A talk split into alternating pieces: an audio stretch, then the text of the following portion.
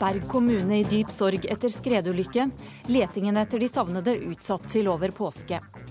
Jeg pustet to ganger før det svartnet, sier 14 år gamle Sondre, som ble levende begravd i et snøskred. Flere tusen nordmenn farter til Sverige i påsken. Sandra Borch vil gjeninnføre passkontroll på Svinesund for å stoppe kriminelle østeuropeere. Velkommen til ukeslutt her i NRK P1 og P2 denne påskeaften. Jeg heter Elisabeth Onsum. I løpet av sendingen så byr vi også på spesialskrevet påskekrim fra redaksjonsmiljøet her på huset. Tirsdag ettermiddag denne uka så la tre unge menn på Senja ut på det som skulle bli deres siste scootertur. Pga. stor skredfare i området er letingen etter dem utsatt til over påske. Eh, men i den vesle kommunen Berg er familie og venner i sorg.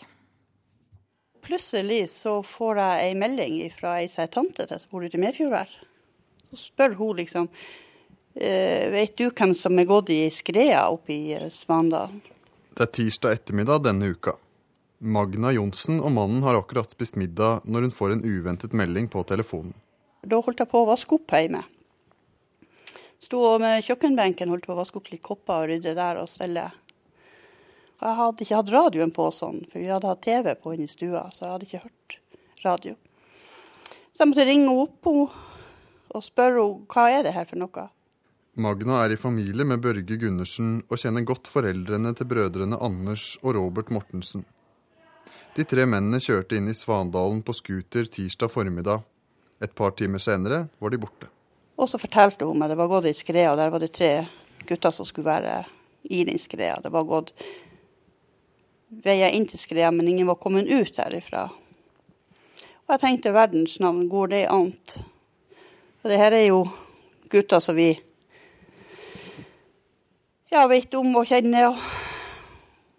Om jeg ikke kjenner de to brødrene så veldig godt, så kjenner jeg han Børge veldig godt. Det gjør jeg. Dette syns vi er kjempe, kjempetrist. Det er det eneste jeg kan si, at vi, vi syns det er trist. Ser det preges jo at kontoret mitt nå brukes som base for kriseteamet. Guttorm Nergård er ordfører i Berg kommune. Kontoret hans er gjort om til et møterom for krisestaben. Der står det igjen kjeks og kaffe etter de som nå har gått hjem. Det er onsdag, klokka er ni på kvelden, og Guttorm bretter et kart utover skrivebordet. Og uh, her i området er det skrevet godt. Mm.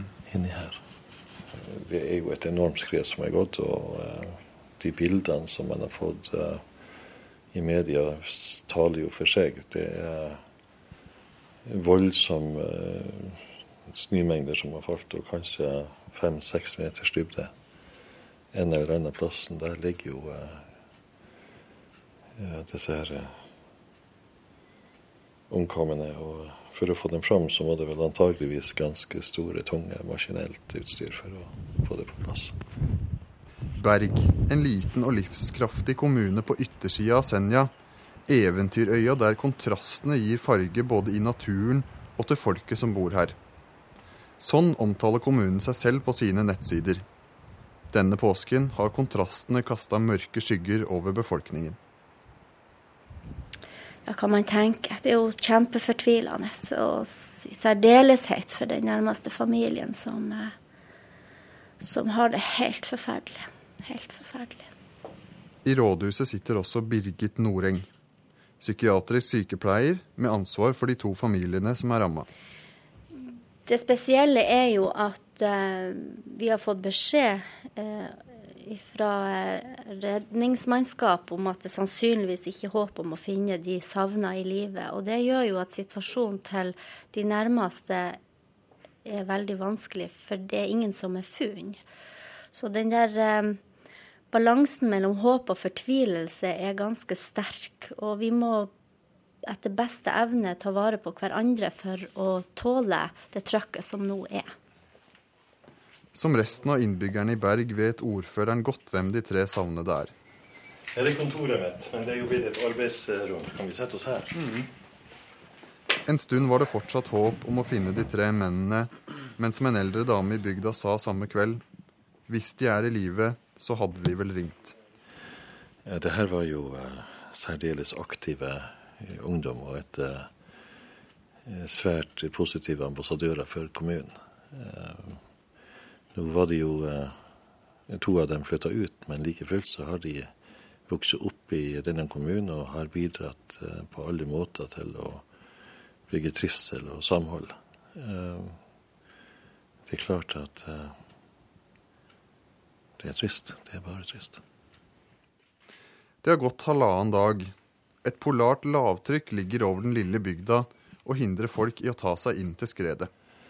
Jeg håper, jeg tror jo selvfølgelig at det, de vil jo ikke gi seg før vi har fått dem, funnet dem og fått dem inn hit og fått dem obdusert og kanskje til og med eh, fått eh, vært i lag med ei stund. For eh, det er viktig at man får sett dem og ja, bare være i rommet i lag med dem. Magne har reist seg for å helle i enda en kopp med kaffe. I sofaen vi sitter i, ligger det pent bretta pledd fra kvelden før. Det er torsdag, og om et kvarter skal bygda samles i sorgen. Nei, I dag som, så skal jeg gå bort til kirka og være i lag med alle de som er der. Og tenne lys og tenke på, på det som er skjedd. Det er det som skal skje i dag.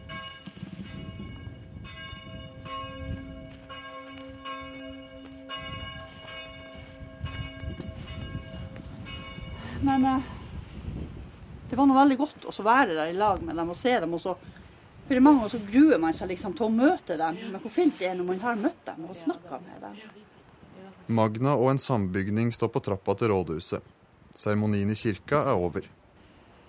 Selv om jeg tenker på at de har ikke fått sine hjem ennå.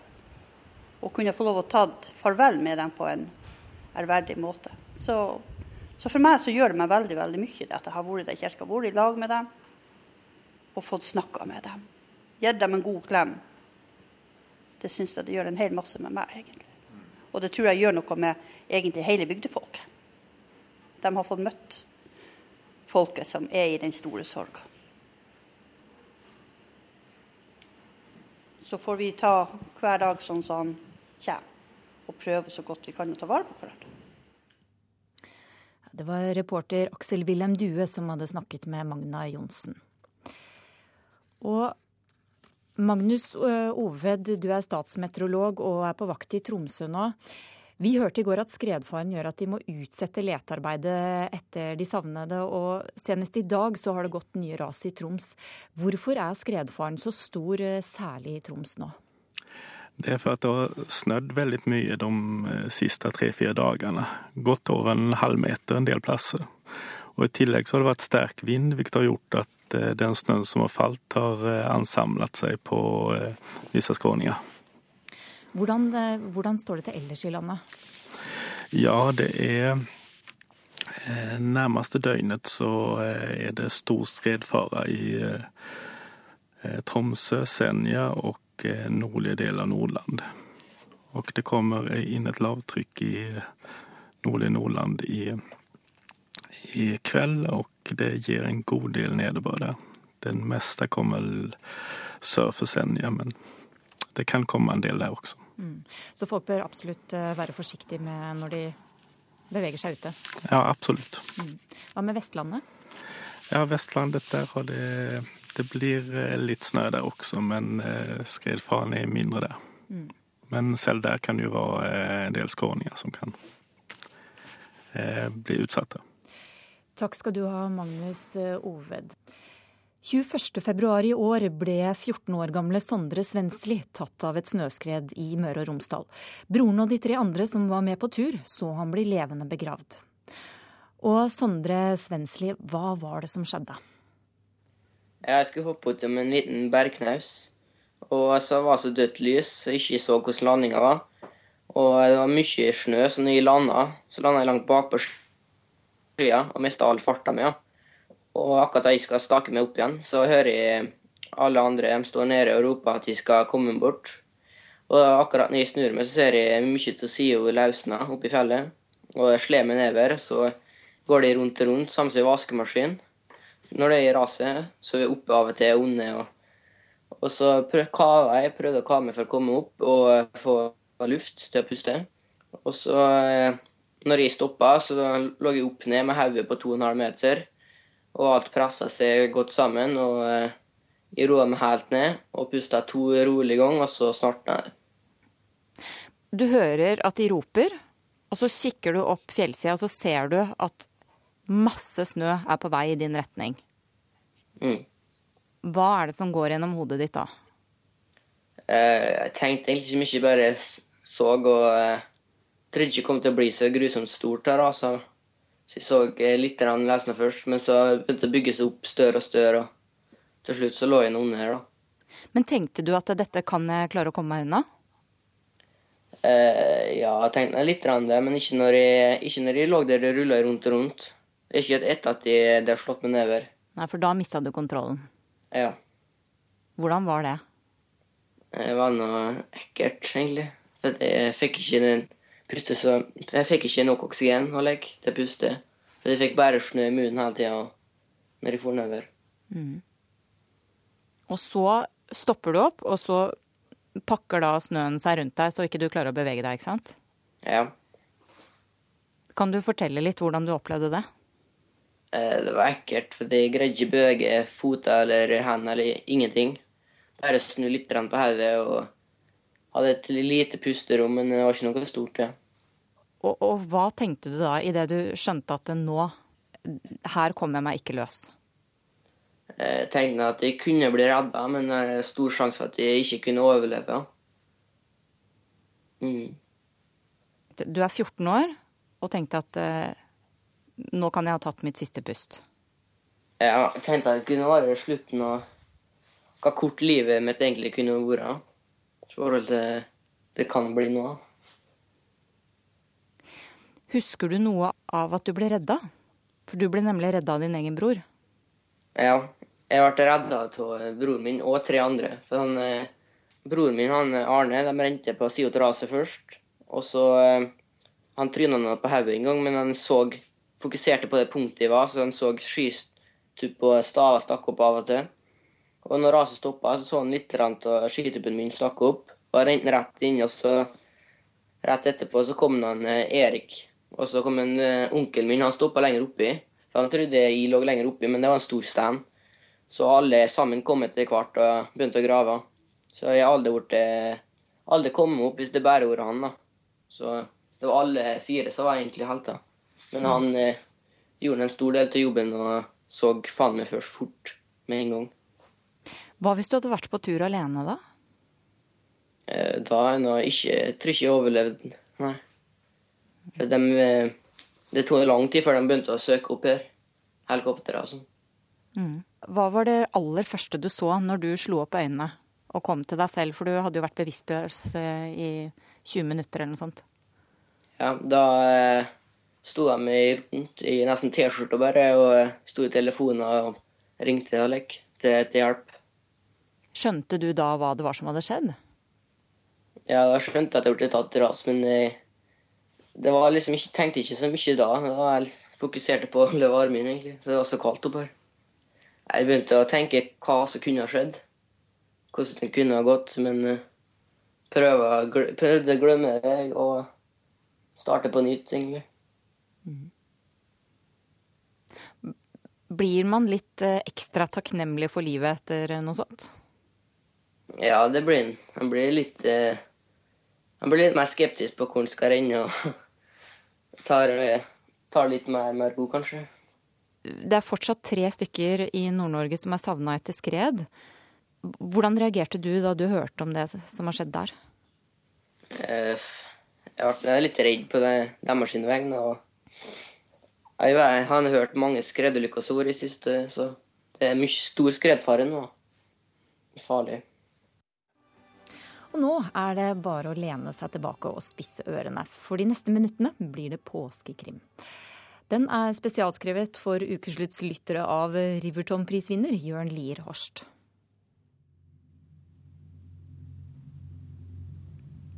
Det gikk mot helg. Den første uka i nyhetsavdelingen i NRK for Hanne Grossmann. Hun var 24 år, nyutdannet journalist med akkurat de kvalifikasjonene stillingen krevde. Hun var kreativ og engasjert, hadde stor arbeidskapasitet, sosial intelligens og en god porsjon nysgjerrighet, kombinert med en velutviklet kritisk sans. Likevel var hun blitt plassert i den mest bortgjemte kroken av det store kontorlandskapet, med beskjed om å lage et innslag om det særnorske fenomenet påskekrim. Ethvert radioprogram med respekt for seg selv og lytterne må ha et innslag om påskekrim, hadde redaksjonssjef Tore Bergman utbasunert og gitt henne tre minutter og 50 sekunder av beste sendetid. Hun var blond også, med blå øyne og en, ja, en byste som ble lagt merke til. I alle fall hadde Ansgar Movatn fra Kulturredaksjonen lagt merke til den. Han satt på arbeidsplassen tvers overfor henne og hadde allerede invitert henne hjem for å vise henne frimerkesamlingen sin. Hanne Grossmann sukket. Påskekrim, liksom. Hun hadde en mastergrad i politisk økonomi, Europa sto på randen av konkurs, og hun skulle lage et radioinnslag om påskekrim. Jeg har noen eh, skikkelig sjeldne merker, forsikret Ansgar Movatn. Han sto lent over skjermbrettet som skilte de to arbeidsplassene, blant annet et sjuskillingsmerke fra 1906 og et fransk. Runar Haugen kastet en papirkule på ham. Glem det, sa hun, hun er ikke i din divisjon. Runar Haugen holdt til i sportsredaksjonen. Man kunne se det på ham. Sterk, sunn og veltrent, men ikke hennes type. Da likte hun Ole Rønne på plassen ved siden av bedre. Ole Rønne var høy og mørk og jobbet med krimstoff. Ekte krim, ikke den sorten man finner i påskelektyren, der handlingen utspiller seg i klamme røkeværelser, hvor snedige giftdrap blir begått av hovmesteren, men organisert kriminalitet og brutale drap. Hanne knekte av en bit Kvikk Lunsj og skrudde på den lille reiseradioen hun hadde stående på kontorpulten for å høre sitt første innslag bli kringkastet. Rønne! brølte redaksjonssjefen fra kontordøra si. Nå har du gjort det igjen! Han marsjerte gjennom lokalet og viftet med en konvolutt i den høyre hånden. Enda en klage, sa han og slengte konvolutten på skrivebordet foran krimjournalisten. Ansgar Movatn strakte hals for å se hva det dreide seg om. Hanne Grossmann gjorde det samme. Ole Rønne tok imot konvolutten og trakk et ark med snirklete gammelmannsbokstaver ut av den. Klage sto det øverst på siden. Papiret var gult av elde og måtte ha ligget lenge hos avsenderen før det ble tatt i bruk. Ikke noe å bry seg om, mente Ole Rønne og krøllet brevet sammen. Redaksjonssjefen snappet ut av hendene hans. Ikke noe å bry seg om, hermet han og glattet ut papiret. Udokumenterte påstander, halvsannheter og løgn, sa han og la brevet tilbake i konvolutten. Dette skal til Kringkastingsrådet. Han stappet brevet i innerlomma på dressjakka, marsjerte tilbake til kontoret og slo døra igjen etter seg med et brak. Hanne Grossmann skrudde opp lyden på radioen for å bryte den pinlige stillheten som oppsto. Krim hører påsketiden til, hørte hun seg selv innlede. Døra til nyhetsstudio gikk opp, og programlederen strenet over til kaffeautomaten. Han hadde tre minutter og 37 sekunder på seg. Ole Rønne reiste seg, tok med seg koppen sin og gikk i samme retning. En forfatter som nettopp hadde vunnet Rivertonprisen, overtok ordet i sendingen og forklarte at vi i Norge har verdens lengste påskeferie. Ansgar Movatn mimet til henne at han måtte på do. Som om det er nødvendig å melde fra hvor man går, tenkte Hanne Grossmann og skrudde opp lyden på radioen enda et hakk. Krim er populært lesestoff nettopp i ferietiden, fortsatte forfatteren. Før var det også sånn at krimlitteraturen hovedsakelig kom i billige pocketutgaver som var lette å bære med seg i sekken opp på påskefjellet. Fjellheimen er full av gamle, fillete krimbøker som aldri har blitt båret ned igjen. Ett minutt og 40 sekunder inne i innslaget fortalte en bokhandler hva som så ut til å bli årets bestselger til påske. Runar Haugen gjespet, reiste seg og lot henne bli sittende igjen alene, innerst i den mest bortgjemte kroken. To minutter og 30. To tilfeldige kunder i en bokhandel på Karl Johan fortalte hva de hadde plukket fram av hyllene. Tre minutter og ti. Nils Nordberg dukket opp med radioteaterstemmen sin. Det er nok slik at markedskreftene nok har spilt en større rolle med tanke på påskekrimmen enn vi liker å innrømme, forklarte han. I 1923 skrev nemlig Nordahl Grieg og Nils Lie en kriminalroman om et ran på Bergenstoget, med både handling og utgivelse lagt til påsken. Forlaget lanserte boken med en helt unik kampanje. Overskriften Bergenstoget plyndret i natt prydet avisenes forsider, og det skulle en oppmerksom leser til for å se at dette var en forlagsannonse for boken med samme tittel, som kom ut under pseudonymet Jonathan Jerv. Kampanjen var så vellykket at boken ble utsolgt på rekordtid, og en ny litterær tradisjon var oppstått – påskekrimmen. Tre minutter og 40. Uansett vær og føreforhold hørte hun seg selv avrunde innslaget mens en tekniker la på fjellvettregelmusikk. Ett er i alle fall sikkert. Den norske påskesekken skal inneholde kriminalromaner, Kvikk Lunsj og appelsiner. Blodappelsiner. Så ble det helt stille i radioen. Hanne Grossmann snudde seg, strakte hals og kikket spørrende mot studioet sendingen ble ledet fra. Samtidig kom programlederen ryggende ut fra kontoret til redaksjonssjefen. Mord! ropte hun. Bergman er myrdet!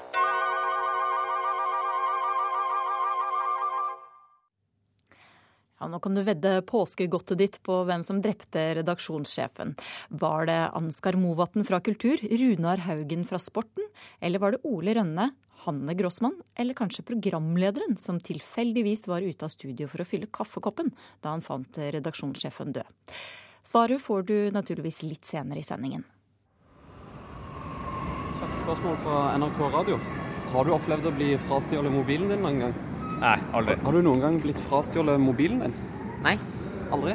Ikke i Norge. Nei. Ikke på TV? Antagelig ikke. Jeg mistet det en gang, men jeg vet ikke om den ble frastjålet eller om den skled ut av eska mi. Jeg bare lurer på, Har du noen gang blitt frastjålet mobiltelefonen din eller, eller noe sånt? Ja, det har jeg. Vet du da hvem som stjal den? Nei. Ja, jeg har gjort det. Du har gjort det? Ja. Vet du hvem som tok den? Ja, jeg vet hvem som tok den. Hvem var det? Det var eh, noen innvandrere. Jeg tror det hadde vært færre sånne lommetyverier hvis det hadde vært vanskeligere for innvandrere å komme inn i Norge? Det var ikke lommetyveri, da. Det var eh, Jeg ble ranet. Du ble ranet, ja? Ja. Da. Ja. ja. Gikk det bra? Det gikk greit. Jeg lever. Det var noen stemmer fra hovedstaden. Og vi er vel flere som har opplevd å bli frastjålet eh, både mobiltelefoner og vesker. Senterungdommens leder Sandra Borch er også en av dem, og denne uka var spetakkelet løs da hun foreslo å stenge Norges grenser for å stoppe kriminelle fra Øst-Europa. Og leder i Unge Venstre, Sveinung Rotevatn, hva syns du om eh, utspillet til Sandra Borch? Jeg syns det er litt overraskende at det er en ungdomspolitiker som skal fronte et standpunkt som i realiteten er å sette Norge 60 år tilbake i tid. Vi er et land som alltid har vært åpne for uh, omverdenen, som har hatt uh, passfrihet i Norden siden 1952. Uh, og det er noe jeg syns vi skal være stolte av. da syns jeg det er en dårlig idé at vi skal lukke oss inne og reise murene og gjeninnføre passkontroll mot Sverige. Det tror jeg ikke folk flest syns er fornuftig politikk. Og så oppfatter jeg at liksom argumentet er at dette er fordi det er så mye kriminalitet. Men nå må man huske på at kriminaliteten i Norge går faktisk ned. Det er mindre sjanse for å bli frastjålet mobilen sin i dag enn det var da vi innførte Schengen-avtalen. Så jeg tror kanskje at uh, Sandra Borch heller skal passe litt bedre på mobiltelefonen sin, og så skal vi være stolte av at det er mulig å reise fritt rundt i Europa. Leder i Senterungdommen, Sandra Borch. Hvordan mener du at stengte grenser skal stoppe kriminaliteten? Først må jeg bare få si at det, det er ikke på grunnlag av mine frastjålne iPhoner at eh, Senterungdommen ønsker å melde oss ut av Schengen. Grunnlaget for at Senterungdommen ønsker å gå ut av Schengen, er jo pga. den økninga vi ser i organisert kriminalitet som vinningstyveri, eh, organisering rundt tigging, menneskehandel og narkotika. Men nå hører vi jo at den eh, kriminalitetsstatistikken går ned. Generelt sett så har den gått ned, ja. Men ei gruppe vokser, og det er de kriminelle som kommer fra Schengen-land. Vi ser siden 2004, når eh, åtte nye eh, land meldtes inn i Schengen, så har antallet siktede fra de her områdene gått veldig opp i Norge. I 2004 eh, så var det 4200 sikta, og i 2010 så var tallet 6900. Så ja, det går ned, men ei gruppe vokser, og det er den gruppa fra Schengen-land. Og jeg tror at den gruppa kommer til å vokse enda mer når vi ser nå debatten omkring flere land skal slutte seg til Schengen-samarbeidet. Og så må jeg bare få si at Det er jo ikke snakk om å stenge grensen, det er jo snakk om strengere kontroll ved grensen, sånn at vi kan hindre de som, eh, de som er dømt til kriminelle handlinger i Norge før, om å ikke komme inn til landet igjen. Ja, men Du vil gjeninnføre passkontrollen, og du vil ut av Schengen-samarbeidet? Yes, jeg vil gjøre, gjøre, det strengere med grensen, sånn at vi slipper å se at eh, f.eks. Eh, var det et oppslag her for noen dager siden om at eh, en fra et Schengen-land hadde kommet tilbake hele åtte ganger i løpet av et år. Jeg tror vi kan spare samfunnet for veldig masse ressurser hvis man, hvis man eh, gjeninnfører passkontrollen ved grensene. Rotevatn, det er jo ingen hemmelighet at eh, politiet mener at åpne grenser byr på store utfordringer? Politiet skal en lytte til, men en skal samtidig ivareta andre verdier også. Politiet var f.eks. også veldig opptatt av å innføre datalagringsdirektivet, uten at jeg syns det var noe som var en uh, god idé. Men uh, jeg skal forsøke å ta, ta, Sandra litt alvorlig. og det er klart Hun peker på noe som er en utfordring, ikke bare i Norge, men i hele verden. Og det er jo at kriminelle blir stadig mer mobile og beveger seg over landegrenser. Det vet vi veldig godt. Men Schengen-samarbeidet er jo vårt viktigste verktøy for å stoppe det gjennom et omfattende politisamarbeid. Bare si to ord om Schengen-arbeidet, hva det er for noe, Rotevatn. Schengen-samarbeidet er jo en avtale mellom eh, landene i Europa om å ha passfrie grenseoverganger, slik at vi som nordmenn f.eks. kan reise til Sverige og Danmark og Tyskland og Frankrike uten å måtte søke om visum og uten å måtte vise pass. Det er grunnleggende sett positivt. Men så er det også en ting til som jeg tok utgangspunkt i nå, og det er at det er et politisamarbeid som gjør at f.eks. norsk politi har tilgang til felles databaser om nettopp f.eks. mobile kriminelle, slik at en kan stoppe folk og avsløre kriminalitet og hindre kriminalitet. Det å melde seg ut av Schengen-samarbeidet er kanskje noe av det dummeste vi kan gjøre hvis vi ønsker å motvirke grenseoverskridende kriminalitet. Og Du har jo et eksempel på ett land i Europa som ikke er med i Schengen-samarbeidet, nemlig Storbritannia. Men i Storbritannia så har en likevel hatt en dobling av antall utenlandske kriminelle de siste ti åra. Så det er ikke slik at Schengen-samarbeidet er det som fører til at kriminelle kan bevege seg over landegrenser, men det gir politiet muligheter til å stoppe dem og avsløre dem gjennom informasjonsdeling, og så gjør det hverdagen enklere for alle oss andre, som slipper å søke om visum og slipper å vise pass. Mm. Borch, en konsekvens av det du foreslår, er, er at eh, man gjeninnfører passkontrollen på Svinesund f.eks. Og vi vet jo at det er rundt 15 000 eh, registrerte ferieboliger eh, der. Dette kan ikke komme som noe populært eh, forslag på de som farter mye mellom Sverige og Norge. Og jeg har tatt til orde for at vi i Senterpartiet og Senterungdommen ser jo på muligheter, og har jo også løfta det her innenfor søsterorganisasjoner i, i, Sverige og Finland om et felles, felles nordisk samarbeid. Og Det ser vi også at et felles nordisk politikorps er enig i.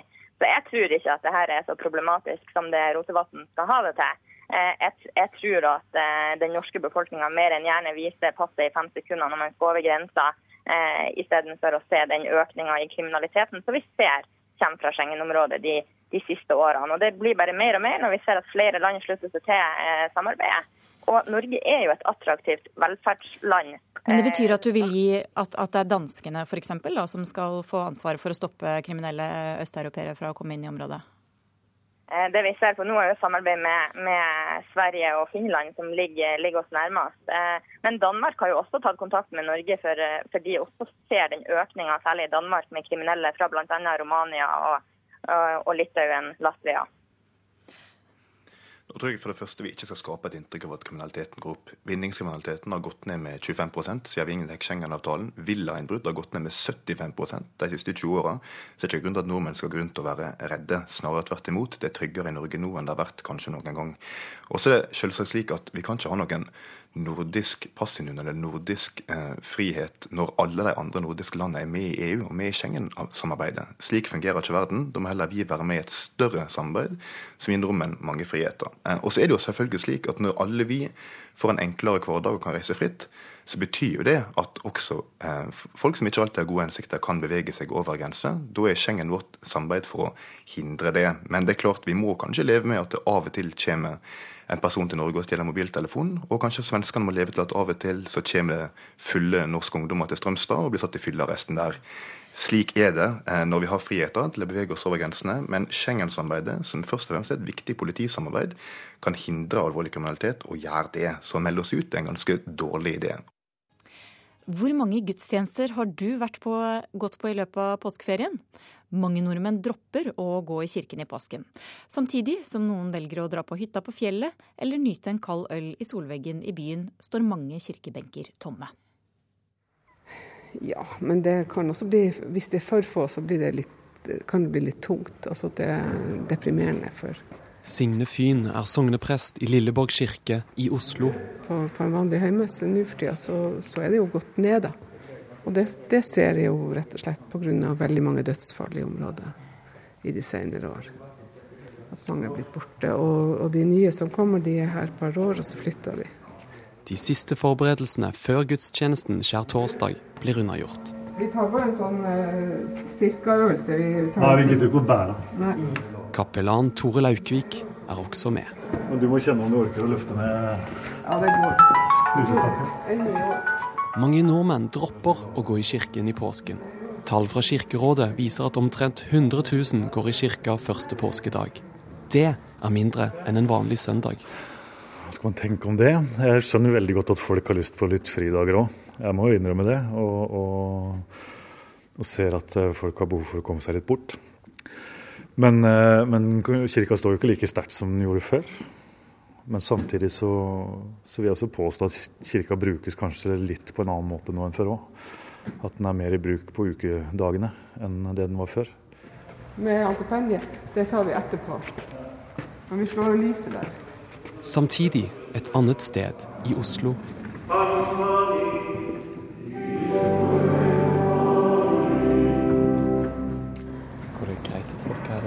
Hvis vi snakker litt sånn lavstemme, så ja.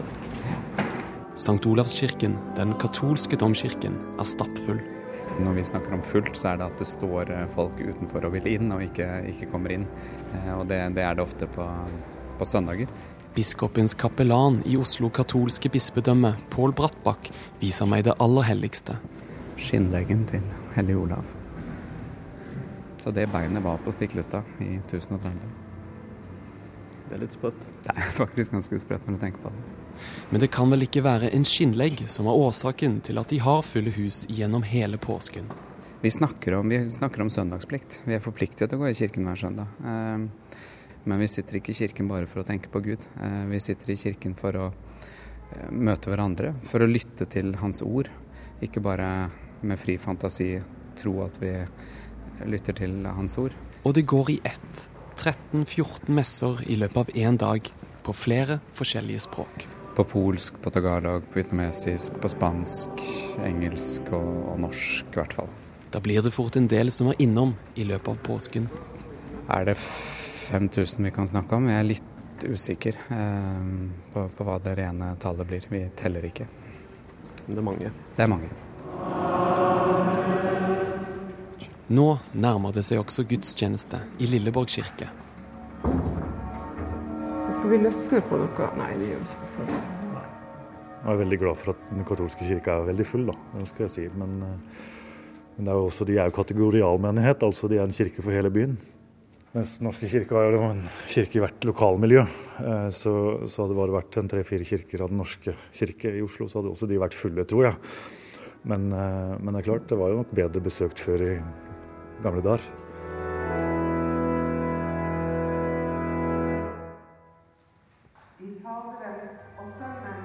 Kirken, som er fra 60-tallet, har plass til ca. 400 personer. 5, 6, 7, 8, 9, 10, 11 19 stykker har møtt opp i dag. 20 hvis du teller med meg. Unnskyld, kan jeg stille deg et kjapt spørsmål? Vil du bli med inn i kirka? Ikke kristen? Ikke bli med inn, da? Det er skjærtorsdagsgudstjeneste. Hvorfor, hvorfor er ikke du der? Nei, jeg er ikke troende. Ikke? Nei, jeg er ikke det. Du kan komme litt i påskestemning. Nei. Du vil ikke være med inn litt, da? Nei, nei, nei. Tusen takk. Ok. Du kommer akkurat eh, fra jobb, Ja, og nå skal jeg ut og lufte hunden min. Ja. Men du vil ikke komme litt i påskestemning inn i kirka? Nei, nei da, det Nei, jeg er ikke det. Hva, hvorfor er du ikke på skjærtorsdagsgudstjeneste? Rett her inne. ja, det er et godt spørsmål. Jeg har ikke tenkt på. Har ikke lyst til å komme litt i påskestemning? Eh, jeg har en annen avtale. Så er det jo litt sånn selvoppfyllende profeti at jo mer man snakker om å få folk der, så færre blir det jo eh, ofte. Det var reporter Eivind Våge som prøvde å hjelpe presten litt. I Vikingskipet på Hamar er en annen menighet samlet til påsken, men her er Gud bytta ut med kraftige PC-er. Rundt 6000 ungdommer spiller seg gjennom påsken på The Gathering. Og hit kommer også Forsvaret, Helsedepartementet, statssekretærer og høyskoler i håp om å verve kloke hoder. Men ikke alle er like interessert i å la seg rekruttere. Ukesluttsreporter Geir Rød møtte Joakim Hoberg fra Halden og kompisene hans. Vi skal nå inn i en bandit camp uh, for å se om vi kan få, finne, få litt tak i litt utstyr. Pistoler, skjold. Kompisgjengen fra Halden spiller Borderlands. En langfredag formiddag med matrester rundt store skjermer og kraftige datamaskiner. Ja, Det er et spill som går ut på å samle masse, masse gear. Levele opp, drepe gigantiske monstre sammen med kameratene dine. Men på årets The Gathering er mange kommersielle aktører og offentlige etater til stede. Forsvaret, universitetet, Logitech, eh, Komplett, Qpad, helsesektoren, Synnås sykehus, Digital Impuls, Databutikk, Gunnar Optics, Høgskolen i Østfold. Hvorfor er Høgskolen i Østfold her, da? For å rekruttere nye studenter. Sier Mikael Larsen fra Høgskolen i Østfold. Gjør dere det? Eh, vi tror det i hvert fall. Eh, det virker som interessen er stor her. Eh, det er mange som, etter å ha snakka med oss, i hvert fall vurderer Høgskolen i Østfold. For arrangøren av The Gathering er alle de kommersielle interessene en vanskelig ting. Det vedgår informasjonsansvarlig Simon Eriksen Valvik. Nei, Vi merker en, det er en utfordring nå i år, fordi vi ser at flere og flere aktører kommer på banen og ønsker å dra med oss ikke sant, og være her på vår arena. Det syns vi er veldig positivt. Men samtidig så skaper det en utfordring fordi at vi er nødt til å ta en gjennomgang for å se at deres interesser passer med vårt konsept. Men for gutta, hva er viktigst for de? Kamerater, PC-er og spill. I hvor stor grad av tida? Hele tiden. Alle, hver time, hvert våkne minutt. Ja. Spill, spill, spill. Og påskematen? Kvalitetsmat. Brødskiver med jordbær, herregud. Joakim Hoberg og de andre har en skikkelig drømmepåske. Når du kommer, når du kommer inn døren der borte, så er det å få satt opp alt sammen så fort som mulig, og så er det bare å få starta å spille. Og prøve å komme så, få gjort de tinga du skal. Altså, på, det, på tiden nå, fram til nå, så har vi drept noen av de vanskeligste, største monstrene i spillet som de aldri hadde fått tid til å drepe på i hverdagen. Hvorfor ikke?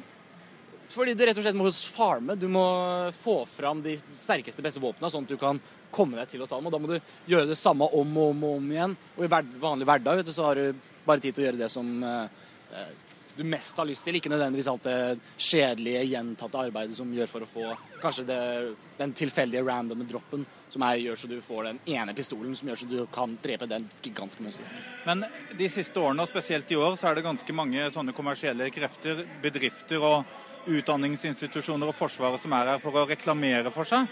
Hva synes du om det? Det å lære om, eller Disse mulighetene da, er veldig interessante. Jeg har gått rundt og snakka med noen av bodene, jeg har snakka med Forsvaret.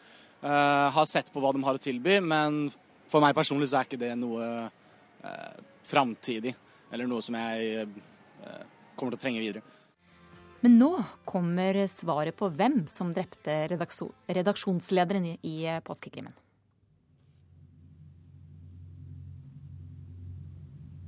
Dette har skjedd. Den nyansatte journalisten Hanne Grossmann har laget et innslag om det særnorske fenomenet påskekrim. Redaksjonssjefen og kollegene hennes i nyhetsavdelingen i NRK er mer opptatt av et klagebrev der Ole Rønne beskyldes for udokumenterte påstander, halvsannheter og løgn, mens kulturjournalisten Ansgar Movatn er mest opptatt av Hanne Grossmann. Og mens Hanne Grossmanns innslag om kriminalromaner, Kvikk Lunsj og blodappelsiner går på lufta, blir redaksjonssjefen myrdet inne på sitt kontor. Det har ikke vært noen andre enn oss her, fastslo Ole Rønne og speidet rundt i det halvtomme redaksjonslokalet.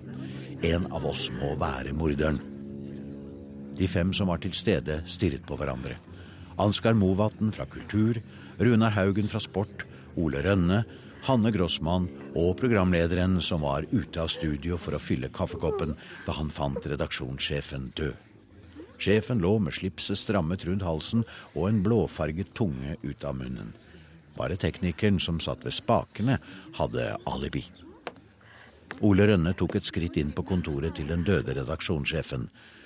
Morderen etterlater seg alltid noe på åstedet, sa han med en skråsikkerhet som bare 20 år som krimjournalist kan gi. Vent, ba Hanne Grossmann og holdt ham tilbake. Hun hadde tross alt lest et titall kriminalromaner for å lage innslaget om påskekrimmen. Denne gangen tror jeg heller det dreier seg om hva morderen har tatt med seg.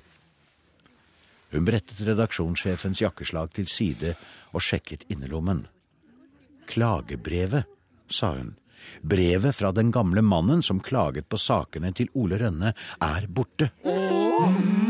Alles øyne ble rettet mot den erfarne krimjournalisten. Bare Hanne Grossmann hadde lest nok krimbøker til å forstå sammenhengen. Hun snudde seg sakte mot Ansgar Movatn fra Kultur. Samler du virkelig på frimerker?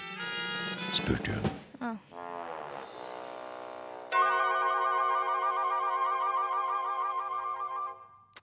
Skarp hun Hanne Grossmann. Årets eh, påskekrim var altså ført i pennen av krimforfatter Jørn Lier Horst. Nils Nordberg fremførte den, og det var Helgar Torgvær som eh, lydla den. Ukeslutt er slutt, men vi ønsker dere en ordentlig god påskeaften. Ansvarlig for denne sendingen var Magnus Bratten, teknisk ansvarlig Hilde Tosterud, og jeg heter Elisabeth Onsum.